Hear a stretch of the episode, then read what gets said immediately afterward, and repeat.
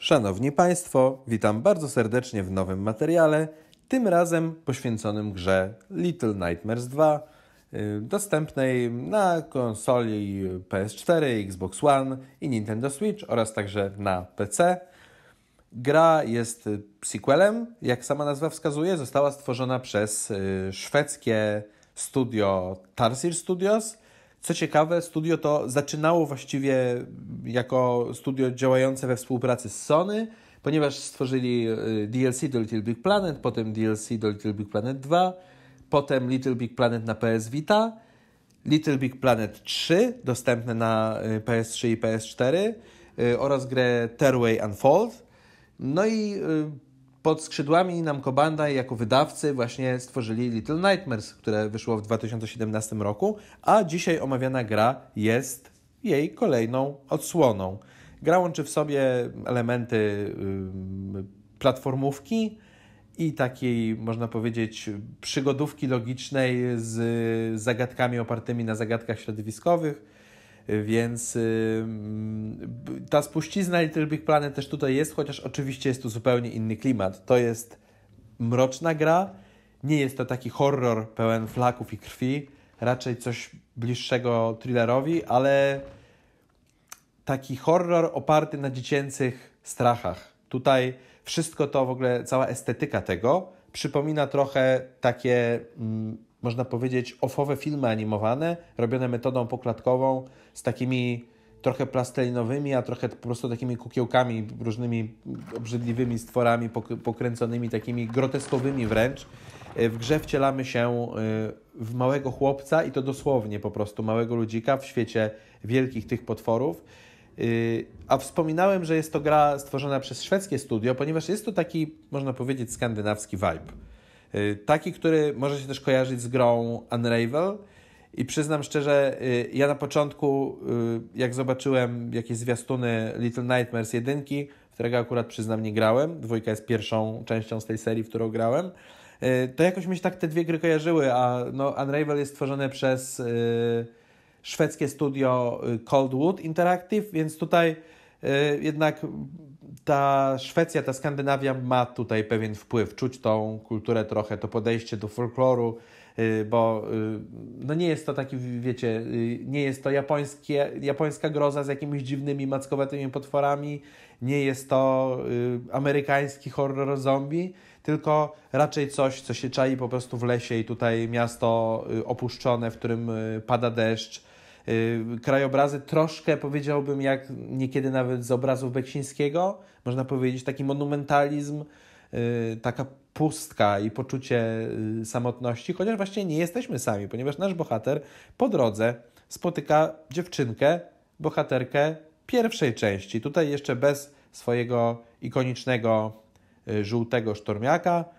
Mm, sama gra ukończenie tej gry zajmuje jakieś 5 godzin, powiedzmy 6-7, jeśli mamy problemy z sekwencjami zręcznościowymi lub utkniemy przy jakiejś zagadce. U mnie to było raczej 6-7, ponieważ no, yy, gdzie niegdzie gra ma dość trochę, powiedziałbym, nierówny poziom trudności.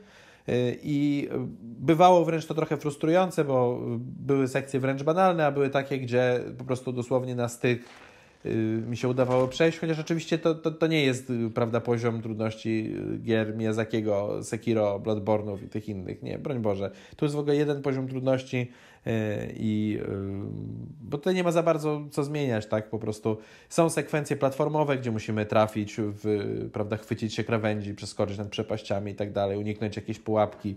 Są sekwencje zagadkowe, gdzie musimy po prostu wysilić szare komórki, no i sekwencje skradankowe, ponieważ to jest tu mechanika skradania i krycia się przed tymi wielkimi przeciwnikami oraz oczywiście y, pościgi, ucieczki przed tymi potworami. Nie chcę za dużo zdradzać, jeśli chodzi o prawda, tych naszych największych przeciwników, tych, tych, te potwory, które nas gonią, żeby to była niespodzianka.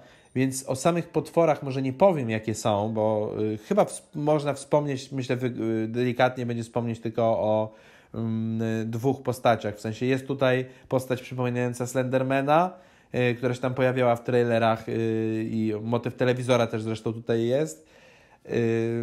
Zresztą no, na moje to jest po prostu Slenderman, tylko w jakiejś tam interpretacji, bo to jest Urban Legend z tym Slendermanem. Y, I druga postać to jest łowca z workiem na głowie, takim y, workiem od na przykład od zboża, który nas goni po, po lesie. I to też chyba było w demo. Więc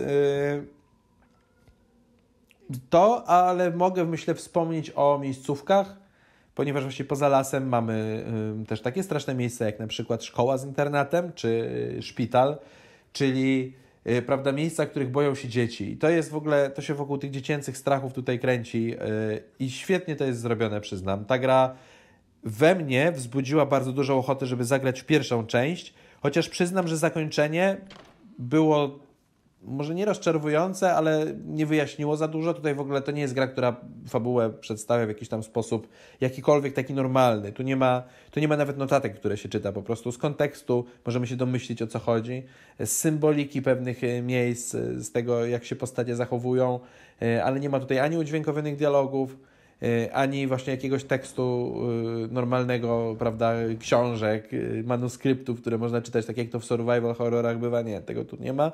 No i przez to y, to zakończenie, które jest y, takie trochę enigmatyczne, trochę mnie, y, no nie mogę powiedzieć, że rozczarowało, ale pozostawiło pewien niedosyt.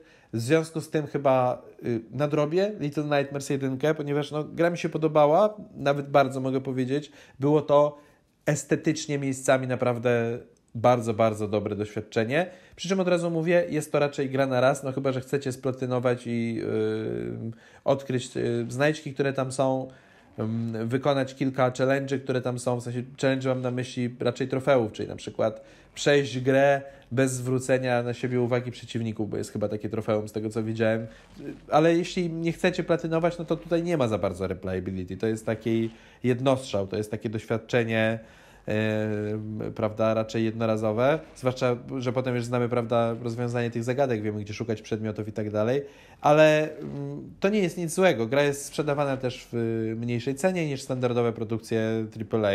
Jest to gdzieś, prawda, taki raczej wysokobudżetowy indyk, można powiedzieć, no ale robi to bardzo duże wrażenie. Gra y, jest świetnie wyreżyserowana. Są momenty, w których, ponieważ jest to platformówka, ale możemy też wchodzić w głąb ekranu. To powoduje czasami trochę problemy, ponieważ na przykład yy, zdarzało mi się, że miałem problem z wycelowaniem, żeby gdzieś przeskoczyć, ponieważ no, kamera yy, prezentuje akcję jak normalnie z boku, jak w grze platformowej, ale jednak yy, są momenty, czasami musimy gdzieś tam poruszyć się w głąb y, i spadałem czasami w przepaści i w pułapki, przez to nie, nie trafiałem y, z powodu tej perspektywy, to trochę minus, ale z drugiej strony to trochę zwiększa pole do eksploracji, do wynajdowania różnych sekretów y, i są takie momenty, że po prostu idziemy w górę ekranu i to robi bardzo, bardzo duże wrażenie, jeśli jest tam gdzieś powiedzmy najazd kamery y, albo kamera się oddala i widzimy jakiś monumentalny budynek czy korytarz, którym idziemy w głąb. Y,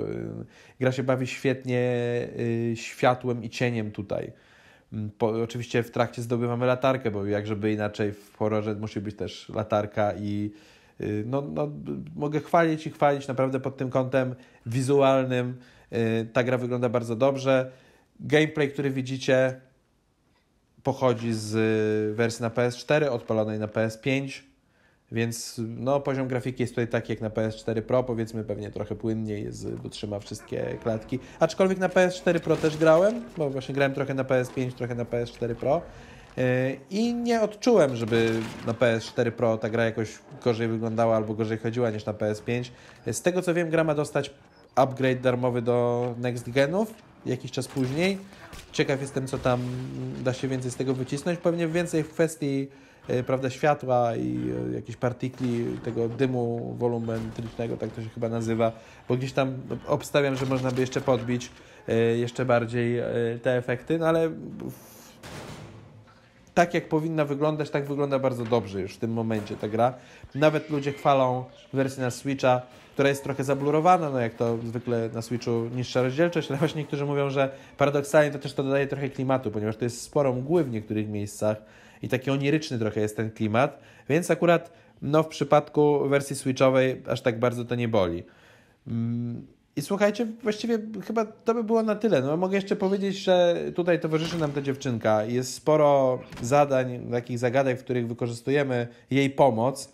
I to jest trochę gra też o takiej wspólnej wędrówce, gra drogi, ale nie ma tutaj kooperacji. I ludzie trochę biadolą, że tej kooperacji nie ma. Ja na początku też myślałem, że no to gorzej, że skoro są dwie postaci, to powinna być, tak jak właśnie Van Ravel chociażby.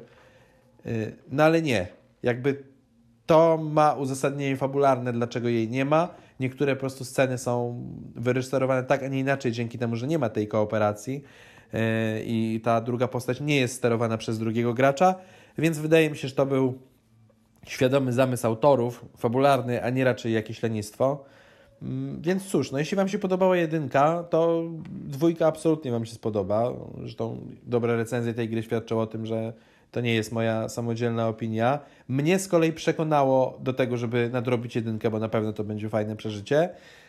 No i y, ciekaw jestem, co, co dalej. No, myślę, że trójka powinna powstać, bo to jest temat, y, który jeszcze można eksplorować. Mi się, mi się podobało. Czy replayability większe by się tu przydało? Nie wiem za bardzo, co można byłoby tutaj wcisnąć więcej. Raczej nawet bym nie chciał chyba drugi raz y, tej gry teraz tak z marszu przechodzić, może kiedyś, żeby sobie odświeżyć to doświadczenie, ponieważ jak już mówiłem, pod kątem klimatu, wizualiów, w ogóle designu to jest Mistrzostwo Świata, które właśnie chociażby przypomina y, obrazy Beksińskiego przez ten monumentalizm właśnie niektórych lokacji. No więc cóż, no y, co prawda to ciekawe, że gra wyszła akurat teraz, a nie na Halloween, ponieważ na Halloween by się idealnie nadawała, no ale teraz też jest zimno i ponuro i dlaczego właśnie nie zagrać sobie w taki thrillerek, horrorek. Mm, no to by było właściwie wszystko. Wam bardzo dziękuję za uwagę. Jeśli jesteście tu po raz pierwszy, to będzie mi niezmiernie miło, jeśli e, zostawicie suba, najlepiej z dzwonkiem, ponieważ YouTube robi co może, żeby nie informować subskrybentów o, o, filmach, które są wrzucane. Ja nie spamuję, wrzucam średnio jeden film w tygodniu, więc nie będziecie zarzuceni powiadomieniami.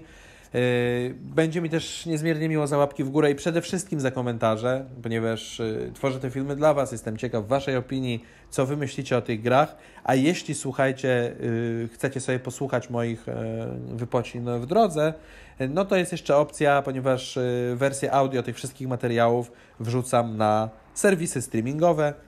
Mm, link znajduje się w opisie i tam y, są linki do poszczególnych już platform od Spotify'a poprzez Google Podcast, y, iTunes, no wszędzie gdzie się da wrzucam, więc po prostu jeśli chcecie sobie nawet nadrobić może starsze materiały albo co, y, to zapraszam. Tam one się pojawiają trochę z pewnym opóźnieniem, ale mm, no docelowo wszystko, wszystko, a nawet jeszcze więcej, jakieś dodatkowe materiały pewnie w audio też będą.